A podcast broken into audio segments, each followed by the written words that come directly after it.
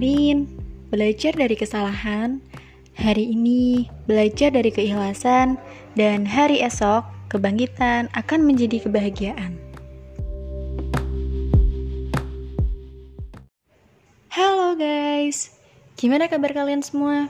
Semoga selalu sehat dan baik-baik saja ya. Oh iya, hmm, pembukaan yang sangat menyentuh hati bukan? ya mungkin itu quotes buat pembuka setiap podcastku guys. Gimana, asik kan? Hitung-hitung penyegaran di telinga kalian, ya enggak? hmm, kali ini enaknya bahas apa ya? Hmm, menurut kalian apa guys? Hayo apa hayo? Ya jadi tebak-tebakan kan.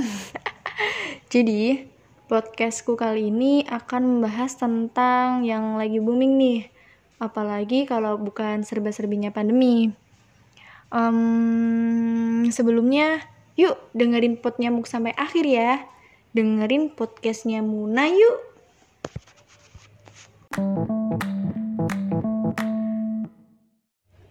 Oke, Pasti kalian udah pada tahu kan ya apa itu pandemi?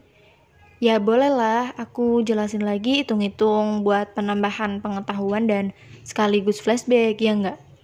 Nah, jadi pandemi itu merupakan penyakit endemik yang meluas dengan jumlah yang orang yang terinfeksi guys. Nah, sedangkan pandemi itu juga ada banyak macamnya. Yang lagi booming saat ini pasti udah pada tahu kan? Apalagi kalau bukan corona. Nah, corona itu merupakan virus yang dapat menyebabkan penyakit pada hewan atau manusia. Bisa disebut juga sebagai COVID-19, yang mana penyakit itu menular uh, dengan jenis coronavirus itu. Terus, um, pastinya kalian udah pada tahu juga kan, gejala yang timbul itu seperti apa? Ya, yang paling umum sih seperti batuk, sakit tenggorokan, sesak nafas, dan mungkin bisa aja sih rasa lelah yang berlebihan. Ya nggak sih? Terus um, gimana ya cara persebarannya virus itu? Nah, orang yang dapat tertular virus COVID itu bisa melalui percikan-percikan dari hidung atau mulut yang keluar dari orang yang terinfeksi itu. Biasanya percikan itu keluar dari e, batuk atau ketika orang itu bersin. Nah, jadi hal yang sesimpel itu sangat berbahaya guys untuk kita semua. Makanya itu kita dituntut selalu memakai masker ketika sedang berada di luar rumah. Tahu lagi bepergian. Agar ya menjaga tubuh kita kan dari hal-hal yang tidak ingin yang tidak diinginkan oleh kita. Nah, terus adanya kebijakan pemerintah untuk sosial serta physical distancing itu juga sangat tepat buat kita. Dan pemerintah juga menganjurkan kita untuk tetap jaga jarak minimal banget sih satu meter dari orang lain karena ya itu percikan itu tuh uh, mudah banget kalau misal uh, menempel di area-area yang sensitif seperti contohnya ya menempel di meja, gegang pintu, pegangan tangan dan itu kan sering banget kan yang kita selalu uh, lewatin gitu. Jadi itu sangat bahaya banget. Nah, ketika orang yang sudah terinfeksi dengan sengaja menyentuh benda atau permukaan tersebut, kemudian dengan tidak sengaja menyentuh mata, hidung atau mulut mereka. Nah, itu sangat bahaya banget. Sumpah sih. Jadi itu kita tuh harus selalu berhati-hati guys. Jangan sampai kita teledor ya nggak sih. Nah, dengan seperti itu ya kita harus sesering mungkin untuk mencuci tangan dengan sabun dan air yang mengalir. Terus juga membersihkannya dengan cairan antiseptik yang berbahan alkohol. Jadi kita kalau mau ke mana-mana pun juga harus sedia hand sanitizer ya nggak sih? Jadi misal kita di jalan nih, lagi mau makan atau lagi mau uh, tanpa sengaja mau megang bagian area muka kita. Nah kita selalu bersihin tangan dulu pakai hand sanitizer. Nah jadi flashback kan? Ya istilahnya sih mengulang kembali ya guys agar selalu diingat walaupun saat ini kita sudah memasuki new normal. Ya istilahnya sih tetap selalu melakukan dan menjaga kebersihan tangan kebersihan seluruh badan dan pastinya untuk tetap jaga jarak minimal banget 1 meter dengan orang lain. Terus juga tetap memperhatikan protokol kesehatan kita. Oke guys? nah, ketika PSBB sudah nggak diberlakukan dan kita kan udah saatnya move on nih untuk ke tahap masa new normal. Nah, kita juga harus mempersiapkannya dengan baik. Istilahnya persiapan harus dipersiapkan. Karena itu, sangat penting untuk kebaikan serta kesehatan diri kita masing-masing dan juga orang-orang yang di sekeliling kita. By the way, apa sih new normal? Nah, kalian udah pada tahu belum apa itu new normal? Jadi, new normal itu merupakan situasi kembali normal sebagaimana menjadi manusia yang lebih produktif. Kemudian, sebagai tatanan baru untuk beradaptasi dengan COVID-19. Tapi, walaupun kita itu uh, melakukan tatanan baru dan berhadapan dengan COVID itu, kita juga harus tetap memahami protokol kesehatan. Seperti yang tadi udah aku omongin, ya nggak sih? Seperti penggunaan masker saat keluar rumah, terus juga lebih sering bercuci tangan atau memakai hand sanitizer, dan berjaga jarak dengan orang apalagi saat berkerumunan langsung. Eits, um, tentunya kita juga perlu mempersiapkan dan juga beradaptasi kembali dari sekian lamanya menaati anjuran PSBB atau tetap di rumah saja, ya kan? Pastinya dalam beradaptasi pun akan ada sedikit hal yang tentunya berlangsungan dengan mental atau mental health kita, ya nggak?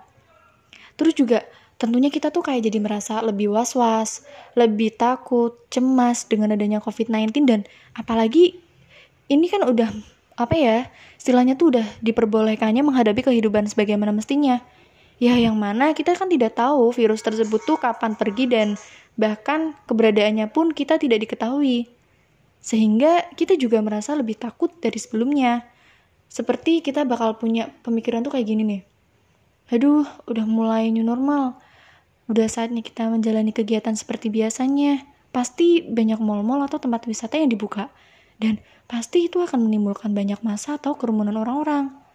Hmm, nanti kalau ternyata ada yang terinfeksi COVID-19 gimana ya? Aduh, aku mau bekerja nih. Mau pakai transportasi umum. Kayak bus, kereta. Tapi kok takut ya? Takut kalau di sepanjang perjalanan tuh ternyata bersama-sama orang yang terinfeksi. Nah, itu beberapa contoh yang menimbulkan rasa was-was atau cemas yang berlebihan. Betul tidak? nah, ingat kata Bapak Presiden kita, bahwa musuh terbesar kita itu bukan corona, tapi rasa cemas dan panik. Maka dari itu guys, ketika kamu merasa cemas, cobalah untuk tidak berpikir negatif yang berlebihan. Ya, kamu bisa melakukannya dengan sering menggunakan teknik relaksasi. Terus juga istirahat yang cukup, berolahraga yang rutin, menjaga stamina tubuh dan sering makan makanan yang bergizi, bervitamin, dan berprotein. Itu semua merupakan bentuk dan tanda sayang pada diri sendiri bahkan orang lain. Kalian ketahui guys, rasa cemas yang berlebihan itu sangat berbahaya loh. Karena itu bisa berujung ke tingkat depresi yang mana depresi itu bisa menumpuk uh, dan akan menjadi suatu bibit penyakit. Dan rasa cemas itu hmm, hal yang wajar sih tapi ya harus dikondisikan. Jangan selalu menuruti rasa cemasmu itu, karena itu tidak baik.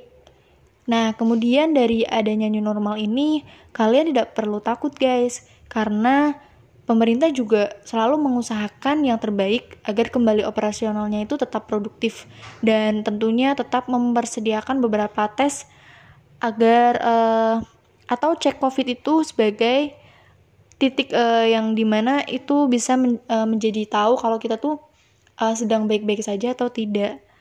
Dan um, jadi uh, walaupun akan menjadi new normal dan tentunya akan berdampingan lagi dengan si virus covid itu kita tetap selalu dicek keadaan kita nah contoh misal dicek itu saat kita sedang bepergian jauh dan sedang berada di kerumunan ramai orang seperti mall pasar dan tempat lainnya itu kita bisa dicek dan tetap dijaga protokol kesehatan dari berbagai tempatnya itu.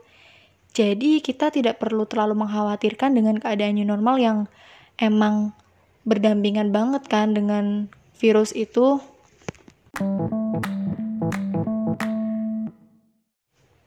Oh iya, aku ada sedikit pengetahuan tentang upaya yang perlu dilakukan uh, untuk mengatasi kecemasan COVID-19 nih guys.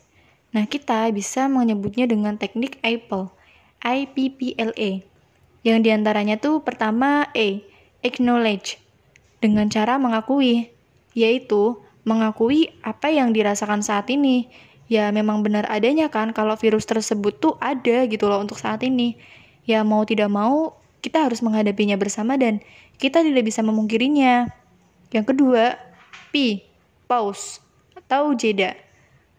Yang mana ambil satu jarak atau waktu dan yang dimaksud di sini tuh melakukan teknik relaksasi seperti mm, menggenggam tangan, terus lepaskan lalu lakukan dengan bertahap sampai merasa tenang dan itu merupakan teknik yang sesimpel dan kita bisa melakukannya tuh setiap saat.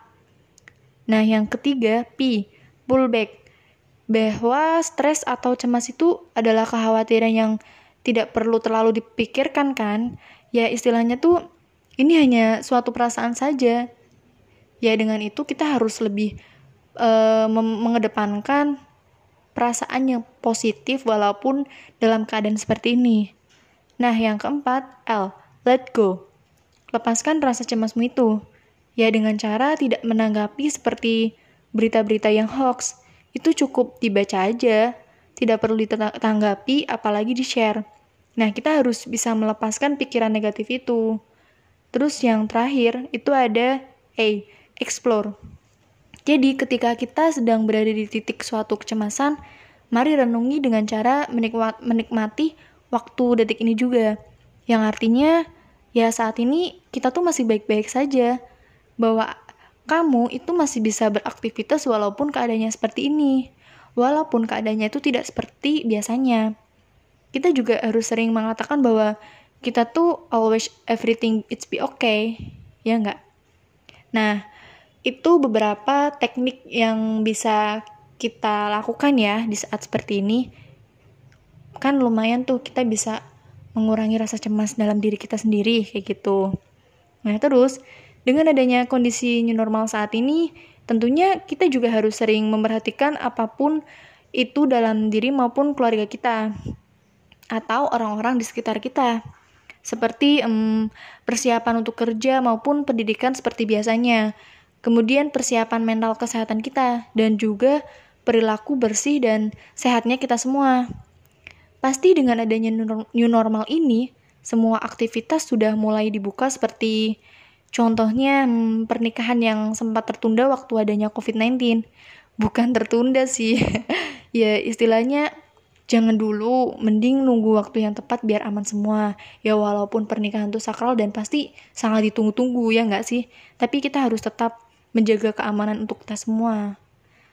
Hmm, pernikahan di masa new normal ini juga pastinya orang-orang sudah menunggu di mana bisa melakukan hijab kabul di luar KUA.